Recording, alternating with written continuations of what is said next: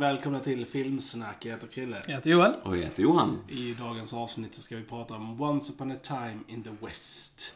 Eh, Sergio Leones mästerverk från 1968. Eh, men innan vi börjar prata om den så ska vi självklart säga att vi finns på YouTube. Där ni kan gå in och prenumerera, dela, lämna kommentarer. Och Gilla. bara allt det där roliga, precis gilla. Vi är på Facebook, eh, Soundcloud, eh, Spotify, Instagram, Twitter. Eh, överallt egentligen. Jajamensan. Precis, så att eh, pick your eh, platform Ja, och följ Pick your Precis. poison. Följ oss någonstans helt enkelt. Så hade vi eh, uppskattat det jättemycket. Absolut. Men med det ur vägen så ska vi prata om Once upon a time in the West. Eh, Och vi kan ju börja med att säga att anledningen till att vi väljer att prata om denna är ju för att den är eh, scorad av kompositören Ennio Morricone som gick bort eh, nu denna vecka. Ja, ja. Väldigt tragiskt, han var 91 år men han är ju en av de allra största och bästa, en av våra Ja. favoritkompositörer Ja, i alla ja. fall. Han kan ha varit den största Ja. faktiskt. Eh, han och John Williams har i alla fall alltid varit mina favoriter och så här. Och han har ju gjort alltså musiken till, om man räknar film och inom tv och så, över 400 verk Ja. liksom. Och jag tror det är över 100 fristående verk som han har bara skrivit så. Eh, och eh, alltså det, ja, det fanns ingen som honom Nej. i princip alltså, som kan få sån här känsla för Verkligen. film. Eh, och han blev ju väldigt poppis via de här eh, spaghetti western eh, filmerna. Eh, när han då eh, började samarbeta med Sergio Leone och de gjorde den första A Fistful of Dollars med Clint Eastwood och så. Eh, och Leone och eh, Morricone gick i skolan tillsammans sen barnsben så de kände ju varandra väldigt väl och så. Och eh, det var ju därför han fick stora framgångar också med filmen. Och han experimenterar ju ganska mycket Morricone med visslingar och Ja. knäppningar och allt vad det är, allt möjligt. Men det funkar Ja. och det bara gifter sig helt perfekt med filmerna han, Ja. han gör musiken till och så här. Eh, man kan liksom inte tänka sig de här genrerna utan denna typen av Nej. musik riktigt. Nej, Eh, så att, eh, nej, det, det kändes för min del när han gick Mm. bort i måndags. gjorde jag. Jag hade den otroliga lyxen och turen att se han på en av hans sista turnéer. När han var uppe i Stockholm på, eh, och spelade på Globen. När jag satt på femte raden och lyssnade på honom. Mm. Och det, det kommer jag aldrig glömma så länge jag lever kan jag säga. Nice. Ja, nej det är verkligen alltså, det är en, en, en sann mästare och Verkligen. en legend verkligen. Och ja, som sagt, hans, musiken i hans filmer har gjort de filmerna väldigt ikoniska. Ja, ja. Eh, och det är ju mycket musikslingor man tänker på när man tänker på de här filmerna. Så att, eh, Mm. Men eh, vi kommer att prata lite mer om musiken just i denna filmen kommer vi. eh, lite senare. men vi kan ju börja bara prata om själva filmen. Mm. Eh, Once upon a time in the West. Eh, jag tycker ju detta är en mästerlig film. ja, det är det. Alltså, det är, den är amazing. Perfekt film Det är- skulle jag säga. Det är perfektion. Ja. Det är det verkligen. Alltså den, är- den är så intressant för det är ju western och så. Och eh, Sergio Leone, han ville ju egentligen göra Once upon a time in America som han gjorde efter denna. Men Paramount kom till honom och sa nej vi vill att du gör en western först för det är han var känd för och så här. Vi vill att du gör en western. Så han bara ah, okej då. Och så gör han den här filmen liksom, eh, Som är helt fantastisk för den är, den är så välkomponerad, den är så välspelad, väl, alltså allt Allting. futtigt Ja. och allting bara smälter helt ihop. Ja. Och samtidigt så är den lite så här eh, liksom lite anti-western också, att den leker lite med genren. Att den eh, eh, subvert your expectations Ja. Mm. lite grann här och där och så. Vi, eh, kan, ska, ska vi prata spoilers? Eller? Ja, det är en Det är en gammal, gammal film eh, okej. från 68 så att vi, vi kör väl på. Men alltså, har ni inte sett den så se den. Ja, vad, vad har ni gjort med er liv? Tusan Liksom? bubbla, jag säger det. Right now. Yeah. Eh, nej men att eh, man introducerar eh, tidigt kanske karaktärer som man tror ska ha större roll som eh, dör redan i början och vår hjältekaraktär blir sårad och så vidare. Och vi har ju väldigt bra casting här. Vi har ju till att börja med Henry Fonda som Frank som är, är skurken i dramat. Och Henry Fonda spelar ju aldrig skurk Nej. i film någonsin. Nej. Han var ju alltid superhjälten liksom.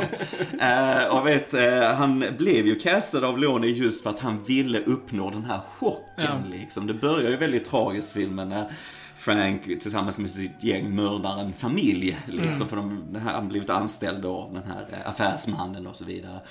Och han ville ju, Leone, få till den här chocken av när, när det här dådet gjort och kameran svänger runt och visar vem det är. Att det är Henry Fonda av Ja. alla människor som är skurken. Det är lite så, alltså, hade man gjort det här i modern film så är det lite som om Tom, Tom Hanks, ja, precis. Jag hade spelat skurk. Det, ja, ja. ja, det är lite så. Ja. Eh, så det, det var coolt. Och, eh, Henry Fonda gör det så bra så du skulle ha trott att han spelar något annat än skurk. Ja. För han, han är så övertygande i denna roll. Han är fan jävla bra alltså. ja, Eh, och sen eh, Charles Bronson som stencoola harmonika. Alltså han är bara så Han är så jävla Ja. Charles Bronson. filmen, alltså. Eh, Och Claudia Cardinale som Jill McBain. Eh, Ja. Otroligt bra.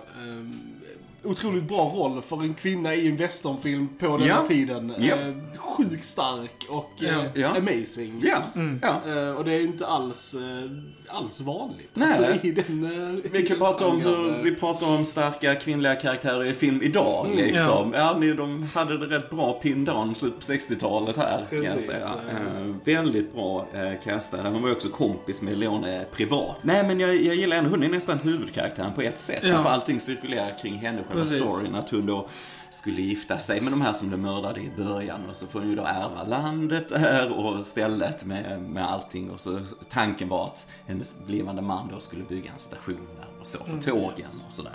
Så att eh, allting handlar om det här stycket mark på ett sätt, Ja. på ett eller annat sätt. Ja, precis. Eh, Även om det inte framgår förrän långt in i filmen. Precis. Vilket jag älskar med den här filmen. För att det känns som att hela den här filmen är bara ett mysterium. Alltså man vet ingenting. Alltså bara nystas saker och ting upp väldigt här långsamt och naturligt. Och man liksom får lära sig mer och mer om karaktärerna och handlingen och, och så. Det är så jävla snyggt gjort. Ja, Ja, det är väldigt. Effektivt filmberättande för du Det- blir mycket mer ja. nyfiken. Ah, vad är det som har hänt här? Oj, och, vad är detta? och denna Alltså, är verkligen, alltså visuellt storytelling är denna filmen alltså. Mm. Det är så mycket som förmedlas i bilden liksom med folks blickar och, och, Mm. och klippningen och musiken och, och så här. Där det är liksom ingen som helst eh, liksom så här exploate- eller så här, eh, exposition dumps liksom så här. Det finns liksom inte i den här Nej. filmen utan allting bara berättas visuellt och så sjukt jävla bra. Alltså det är Ja, perfekt jävla film. Ja, det är det. det, är Ja det. alltså jag fucking love, alltså varje gång jag ser den här filmen så blir det min favoritvästern. Alltså, Mm, även om jag alltså verkligen så älskar The Good and the Bad and Ugly. Varje gång jag såg om denna så blir det min favorit. Jag bara, "Nej, den här är fan mig bättre. jag bara, jag bara har på den varje gång alltså. Det är- ja. Nej men alltså det, Leone var ju mästare på närbilder och blickar. Eh, finns ingen som filmade ansikten på det sättet. För det är, precis som du säger, det är så mycket man kan läsa av i de här Ja. blickarna. Och Charles Bronson, han stirrar rakt in i ens själ på Ja. något sätt. Han blinkar ju typ inte i typ hela filmen. Nej. Alltså. Eh, nej, och det är väl typiskt för hans eh, regissörs signatur att man, han gjorde så. Va? Men det, det är otroligt effektivt. Eh, Verkligen. Men, men det ska vi också säga att det här är liksom, det här är en lång film, två timmar och 45 Mm. minuter. Och det är ingen, eh, alltså kanske konventionell western så. Det här är ju en väldigt karaktärs och plot-driven film. Ja. Här är väldigt lite action.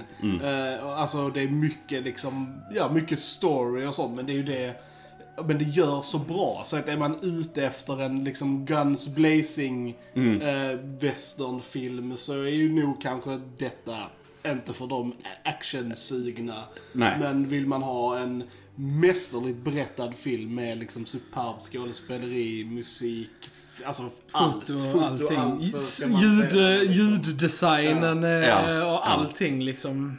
Verkligen. Nej, och det, det är så roligt för att eh, Leone sa ju alltid det att eh, eh, Morricone var hans manusförfattare på ett sätt. Och så, för jag vet när de skrev manuset till denna film så skrev Morricone musiken samtidigt innan filmen var färdig. Och flera gånger när de spelar in scener här, bland annat med då Claudia Cardinal och så här, när hon går igenom vissa känslor och så, så spelar de musiken som vi hör i filmen i bakgrunden när de gjorde den. Så det är därför det är så snyggt sammansatt. Det är därför det är så snyggt. Du får det här emotionella och du får pauserna och beatsen på ett helt annat sätt. Och det är, det, det är något som verkligen har, ja det är sjukt coolt. Det är något som verkligen tycker jag har gått förlorat mer i modern film. Att soundtracket är inte sådär jätte jätteviktigt. Nej. Vi får fortfarande filmer med bra soundtrack, det är inte det. Men liksom inte, inte på den här skalan där, och Ja. samtidigt där du liksom märker att du verkligen tonar ner ljudeffekterna. För nu ska bara musiken höras här liksom på, i berättandet. Och det, det är helt Och att, fantastiskt. och att de faktiskt använder musiken till att ge oss storybeats och faktiskt att saker och ting händer. Alltså vi kan veta att nu kommer någonting eller nu händer någonting på grund av musiken. Alltså mm alla karaktärer har ju sitt eget theme liksom Mm. Ja, eh, i den här. Så att, och vi har inte nämnt eh, Jason Roberts som, eh, som Cheyenne. Mm. Ehm, som, som både han och Harmonica och Frank och Jill har ju sina egna themes. Precis. Eh, Så att när de kommer eller är på liksom scen så är det oftast deras eh, themes som spelas. Eh, och jag gillar speciellt hur Cheyennes theme används. Särskilt då, vi pratar ju spoilers, Mm. men i slutet då när han dör och hans theme slutar liksom. Ja, Och ja. i den sekunden han dör. Och det är så jävla snyggt. Mm. Och då vet vi, alltså bara det. Vi ser inte honom falla utan Nej. vi bara vet att hans theme slutar. Vi vet. Mm. Liksom, till- Och det är bara så jävla effektivt berättat. Alltså, det är mästerligt. Alltså, d- film görs inte så här längre. Mm. Nej, alltså det är liksom en... Alltså just den här typen av konst är liksom död. Hur awesome är inte Cheyenne också? Måste bara... Ja, ja, ja. Det är fan Underbar min karaktär. favoritkaraktär Ja. i filmen. I love him. Jag bara älskar sättet han eh, introduceras på. När han Mm. liksom så här, man hör, de är inne på den här lilla baren och så hör man eh, pistolskott och commotion Mm. utanför. Och så kommer han in och så vill han ha en jug och så får han det. Så när han dricker så har han handbojor på sig. Ja, ja, ja, ja, ja. När man får se det, det är så coolt avslöjande liksom. Ja, ja, ja. Fun fact så, eh, den, eh, om ni har sett tv-serien Lost, så är den scenen eh, tributad i hur man får se att Kate har handbojor på Ah, sig. Det är exakt samma Coolt. grej där, att hon ska dricka juice och så dricker hon och så tar hon upp handbojorna i scen. Eh, Damon Lindelof som har gjort hela den serien var en väldigt stor fan av Sergio Leones. De har massor sådana där tribute både till Star Wars och de här filmerna med i Lost. Så det är väldigt roligt. Ah. Jo, nej men det är så, eh, och, och, innan liksom man, man ser hans ansikte, man bara tittar upp så här under hatten så här, och så fort man ser ögonen på honom Ja. så börjar då hans theme och så Mm. här. dun, dun, dun, dun, Och de, och de bara använder, alltså, de, de bara sätter igång, de använder musiken så effektivt bara i den scenen också. Mm. När man liksom bara hör harmonika sitta och spelar. Och så liksom har han den här ljus, eh, liksom ljuset som han då leker med. Alltså Mm. när han skickar tillbaks den och han kommer in i bilden och så bara musiken bara liksom så här sveper. Alltså det är så jävla snyggt alltså. Det är, ah. Men alltså, alltså det här main themet då i filmen. Det är alltså, precis. theme. Det är alltså amazing. Det är något av det vackraste som har skrivits, inte bara i någon film utan liksom I musik. I musik. Det, det är så pass bra. Jag, jag får ju alltså Sagan om ringen-vibbar. Alltså, nej men det här episka, alltså typ såhär. Alltså, det, det är nästan, musiken är nästan för episk för att vara, alltså till de bilderna vi får se liksom. Jag tänker vi får se liksom, de åker där genom westernstaden och så hörs den här musiken. Jag förväntar mig liksom att Gondors arméer ska börja marschera förbi vilken sekund som helst. Alltså det är av den level av awesomeness som musiken är. I just love it. Men, Jag har faktiskt alltid, alltid tänkt att Gondors theme i Sagan om ringen påminner lite om westernlåtar. Så här, lite, faktiskt lite grann Det är sant. Nej men det är ju så vackert med hon som sjunger liksom här lite sorgsna och det, det, det summerar, dels är det för Jill då ju Caramellis eh, karaktär och så, men samtidigt så handlar det också om den här det heter Once upon a time in the West heter filmen, lite mm, sagoaktigt på något sätt liksom. Och det på något sätt eh, hyllar det här gamla western på ett sätt ju, men samtidigt så handlar ju denna filmen också om att eh, den gamla tiden håller på att försvinna Ja, lite grann. precis. Nu kommer liksom järnvägen här med tågen. Det kommer, ni kommer kunna resa på ett annat sätt genom detta landet. Det kommer hända massa saker med industrier och så. Så detta är liksom, ja, den nya eran håller på att eh, komma in här nu. Eh, så det är mycket det som är temat och då finns det ingen plats för de här gamla skurkarna längre. Utan det, det är en helt ny värld. Så att det, det är mycket i musiken också som speglar det känner jag. Verkligen, och det jag gillar med att, för att det är ju han är eh, Mr Morton då som är liksom affärsmansskurken och Henry Fonda Franks då som är den gamla typen av westernskurk. Att de har båda typerna och han nya affärsmannen säger liksom till Frank du kommer aldrig kunna bli som mig för du, du har inte det i dig. Du är Nej. den gamla skolan liksom som bara förstår våld och liksom. Jag Ja. tycker det är coolt. Ja. det är jävligt häftigt att ha två sådana typer av skurkar. Jag älskar den repliken liksom. han säger det att det enda som kan förstöra, eller så här, he- hejda ditt våld, det är detta liksom, pengarna. Pengarna, ja, precis. Eh, och jag Mm. tyckte det var så jävla snyggt. Eh, det är väldigt snyggt. Men det, det är så mycket symboliskt också i det här, just den här i början av filmen, när den här McBain-familjen blev mördad. För de här traditionella gamla westerns-filmerna liksom, då var det ju indianer och grejer. All, det är alltid indianerna som var skurkarna. Ja, ja. Så hade vi väl föråldrad syn på allting. Och den leker ju med det här också, utan det, det här är det inte indianer som är mördarna, utan det är faktiskt lönnmördare som är betalda av det här företaget, liksom, den här företagsmannen. Så det är en annan typ av skurk också. Det, det, det är en komplex film det Ja, det här. Eh, Och det måste man vara lite öppen för när man ser den, både hur den är berättad men också som ni säger att det är mer eh, storydriven och karaktärsdriven eh, western. Ja, är det. Mm. precis. Eh, ja, en av mina favoritscener också är ju mellan Frank och Jill då när han är när han har tagit henne basically Ja. Mm. och är hemma hos henne. Och de ligger i sängen och liksom så här pratar. Det är alltså en mästerlig acted scen Mm. av Henry Fonda och av eh, eh, Claudia Cardinale. Alltså. Men eh, ja, för- alltså Henry Fonda är amazing. Han är helt otroligt bra i den här filmen Så alltså. jävla bra. Blickarna och bara replikerna, hur han liksom Ja, han fattar ju Ja. denna karaktären liksom. Och jag vet han berättade det att han, när han fick rollen så liksom, oj ja men, så läste han manuset, ja men jag måste ju vara den här tuffa killen och så här, Så han lät ju skägget växa och klippte det så här speciellt och han fick specialgjort linser så han fick mörka ögon och så här.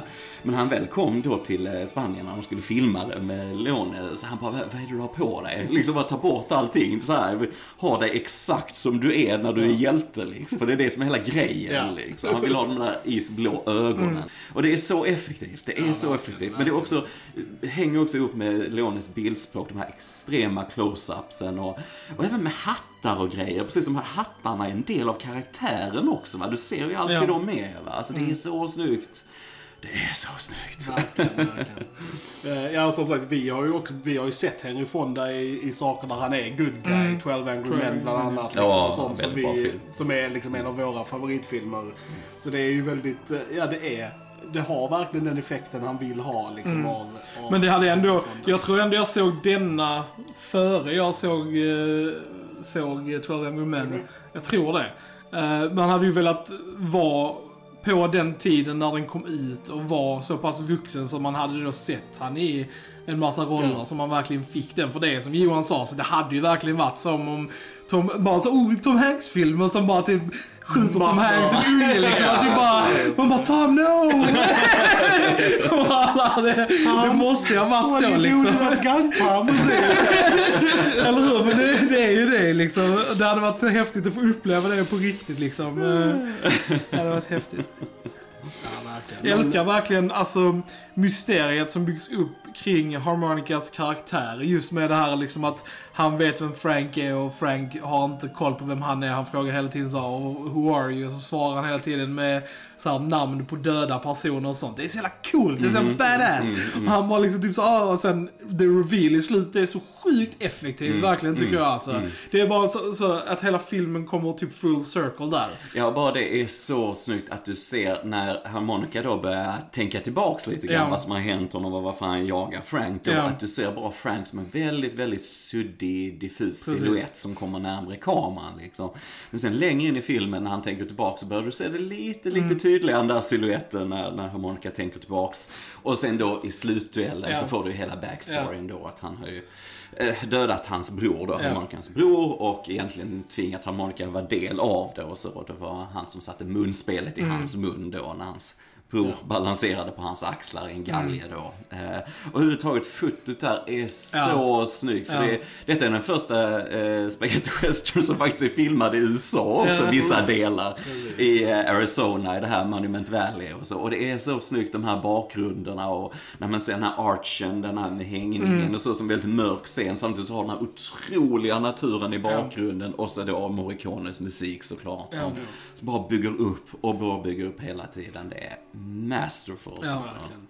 Jag älskar att när det, när det väl är actionscener så är de väldigt storydrivna actionscener. Alltså de, de verkligen berättar någonting. Alltså som den här actionscenen i stan när eh, den här andra affärsskurken då har betalat eh, Franks egna män att förråda honom. Och där har vi ju skitbra alltså karaktärsscener med Harmonica. För Harmonica väljer att rädda Frank här och hjälpa honom för att han själv liksom ska ta ut honom senare. Det finns Precis. ingen annan som ska göra det än han. Och det skapar lite så här med med, med Jill då liksom eftersom hon bara "Åh, vad, vad håller du på med? Du räddar honom liksom Ja, sånt. ja. Så att även när det är action så är det så sjukt karaktärsdrivet Ja. och amazing. Mm. Eh, Ja, det är bara eh, mästerlig storytelling på hög nivå i den Ja, men det är det. Det är det. Och jag- det är så många små scener som jag bara älskar också när, när eh, Jill då kommer fram till den här hemstaden och bara upptäcker att familjen är död och så.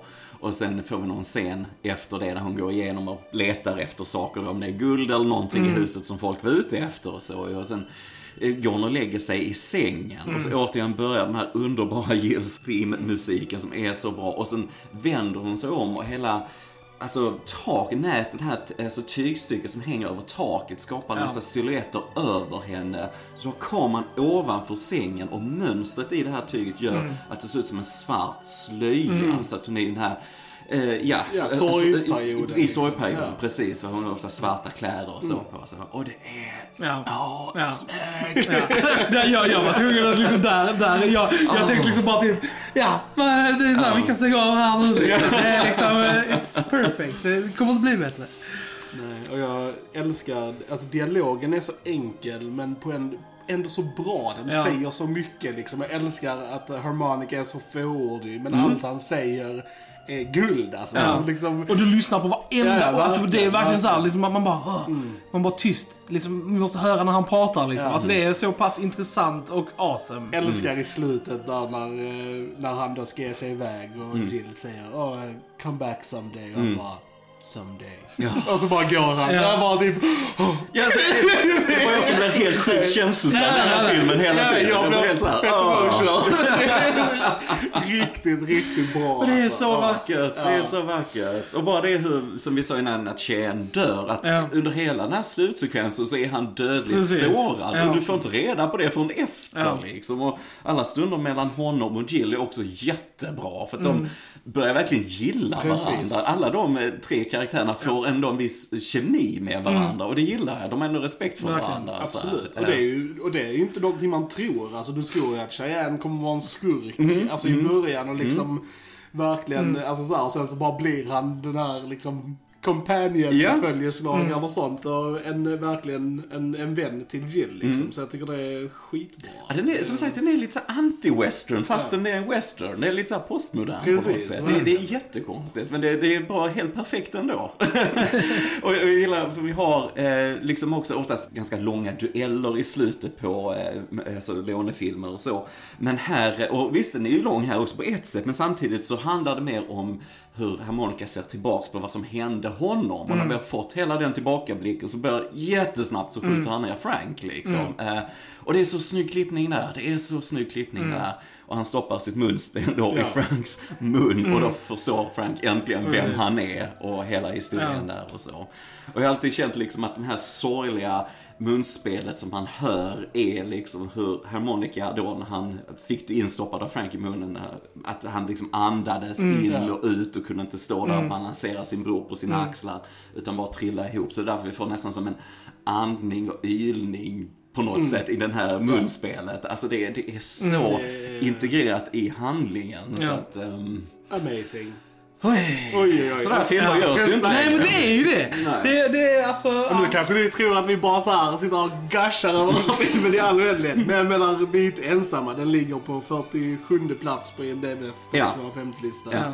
Eh, På tok för lågt om du frågar mig. Den borde vara mycket Ja, högre upp på listan. Men, eh, Alltså jag har verkligen ingenting att klaga på den här filmen. Ja, alltså, det är ju en del som klagar på att den är långsam, men alltså den är ju långsam, men på ett fantastiskt sätt. Alltså för allting är där för en anledning och för ett syfte. Och då blir det bara awesome. Alltså, har har man någon uppskattning för någon konst whatsoever så kan man inte ogilla den här filmen. Det går inte. Är detta en bra film att börja med om han har svårt för lite sådana här slow burners? Eller är den för långsam även så?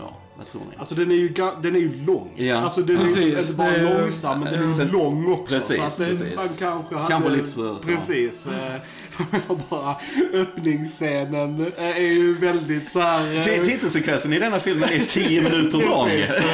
Och typ väldigt lite händer. Där är en fluga som sätter sig på en killes face och han försöker få bort den. Och sånt. Men det är briljant! Ja, det är alltså det är briljant! Alltså, det är, det, alltså jag ser verkligen the brilliance behind all that, alltså i början. Alltså verkligen Ja. med, med liksom regnet som droppar på hans hatt som han dricker sen. Alltså allting Mm. är bara så jävla bra där i början. För det, det är också anti-western lite, att du har den här tystnaden. Vad, Ja. vad, vad gör de här eh, gunmens när de bara Ja. väntar? Vad händer Precis. då? Liksom? Och det blir ganska intressant. Det blir skitintressant.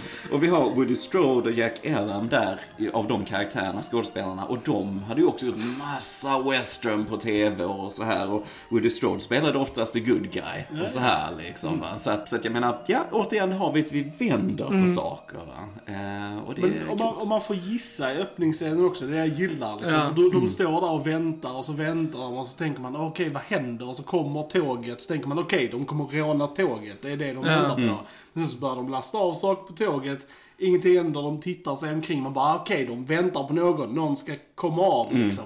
Och sen så kommer det ingen av och så åker tåget iväg. Och sen så bara kommer harmonika liksom där. Mm. Men du, innan han kommer så kommer munspelet. Ja, precis. Munspelet, Så du liksom. hör det först. Men det är så sjukt, det är så sjukt snyggt liksom. Ja, det är ja, som introduktion på karaktären. Ja. Han så bara mördar han. Ja, liksom. Och med den bästa och mest badassa repliken någonsin. Han bara såhär, did you bring a horse for me? Han bara, well. It looks like we're one too shy. Han bara, you brought one too too many. Alltså, bästa jävla repliken ever. Charles Bronson, he's a bad ass. A bad ass. Ja, det är coolt. Love it. Och samtidigt har vi de här klassiska westerngrejerna att Henry Fonda är liksom alltid klädd i svart till exempel. Och eh, Charles Bronson har sin vita Ja. kläder. Det är lite så som Clint Eastwood. Bad, precis, eh, exakt. Bad Ja. liksom. Så lite sådana tropes är ju kvar. Ja. Liksom, så. Han kör ju ändå vidare på, alltså The Good and the Bad and the Ugly börjar ju också med en väldigt lång, tyst Mm.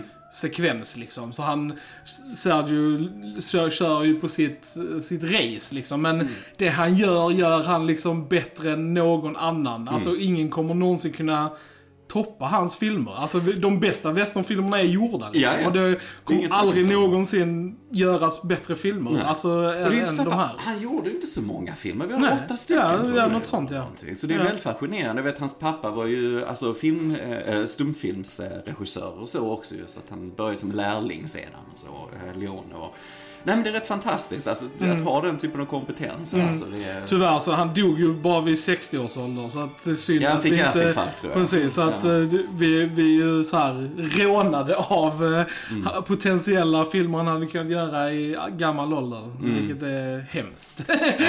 Och han fick ju gjort Once upon a time in America efter denna som också är en fantastisk Mm. ja. film. Alltså han har ju inte gjort någon dålig film. Nej, Alltså. Det är ju liksom... Ja, nu har jag sett, jag har typ... Nej, det är hans första jag inte har sett. Uh, Colossus of Rhodes. Rhodes, det, precis, Ja, eh, The precis. Colossus of Rhodes. Och ehm, A Fistful of Dynamite. Den har jag faktiskt hemma, men jag har inte sett den än. Mm, Men sen har jag sett alla hans filmer som han har regisserat. Mm, mm. Han har inte gjort en dålig film. Ja, det är lite roligt för vi sa det här Good, Bad and Ugly och de här tre henchmännen i början av filmen skulle egentligen spelas av Clint Eastwood, Lee Van Cleef och Ella Mm. Wallach. Sådär, som ett litet skämt sådär. Men det, de fick inte igenom det riktigt. Men, men det hade varit rätt kul faktiskt. För det är verkligen att, eh, nej nu är jag färdig med westernfilmer Ja, då. Eh, och det kände ju Leone att han var lite grann och så. För Ja. han hade ju uppnått vad man ville med den här Good, Bad and Ugly liksom. Men eh, så ville ju studion då att han skulle göra Men bara det att kunna göra en sån här, Ja. liksom att du har dina manusförfattare, bland annat Dario Argento som faktiskt varit med och skrivit Mm, manuset innan. Och ändå få den här historien om en epok som, ja, håller på att ta slut. Det är helt fantastiskt. Alltså, det är mycket, mycket stark och kompetent film på alla tänkbara nivåer. Alltså. Och det blev ju så, alltså så här, han ville ju egentligen ha Clint Eastwood eh, igen liksom. Och jag är jätteglad att Clint Eastwood tackade nej. Alltså för att då hade vi inte fått de här fantastiska karaktärerna och sk- och skådespelarna i den här filmen. Clint Eastwood har liksom redan haft sin episka trilogi liksom. Så att jag, jag är glad att han, att han struntade i det liksom. Ja, jag vet att han med Cheyenne kanske skulle ha spelats av han Eli Wallach som spelar den fule Ja. då i Good Bad and Ugly. Eh, Men då sa ju Leone också att nej, han är alldeles för känd i den rollen så han ville ha någon som inte folk associerar direkt med på Ja. det, i resten av hans filmer och så. Så att, eh, nej, jag tycker det är bara smart att du byter ut castet Ja, på det sättet ja. för du får lite fräschare och du har inte allt den historien i dem på samma sätt. Så det blir lite mer clean slate över det och så. Mm. Ja, nej, masterpiece. Ja, det är, verkligen. För mig Det- fortfarande, fortfarande, jag måste säga det, Good, Bad, Ugly, det är fortfarande min favoritwestern. Det bara är det. Det bara är det. Men denna kommer på en väldigt, väldigt säker andra plats. Det är jäkligt nära mellan de två. Men det är typ så här, alltså, så, så när jag ser The Good Bad Ugly så blir det min favoritfilm. Och när jag ser denna så blir det min favoritfilm. Det går liksom så här fram och tillbaka Det mellan dem. good, liksom. liksom. Jo men Det är verkligen det. Men Ja. de är så bra på olika sätt Ja, liksom. ja. Det, är, det är väldigt olika grejer man hämtar från dem. Så att, eh, Absolut, Vi absolut. får ju göra en podd om den, det gode och det fula också. Ja, det måste vi Det måste vi nästan Det göra, måste vi för att det är en fantastisk film.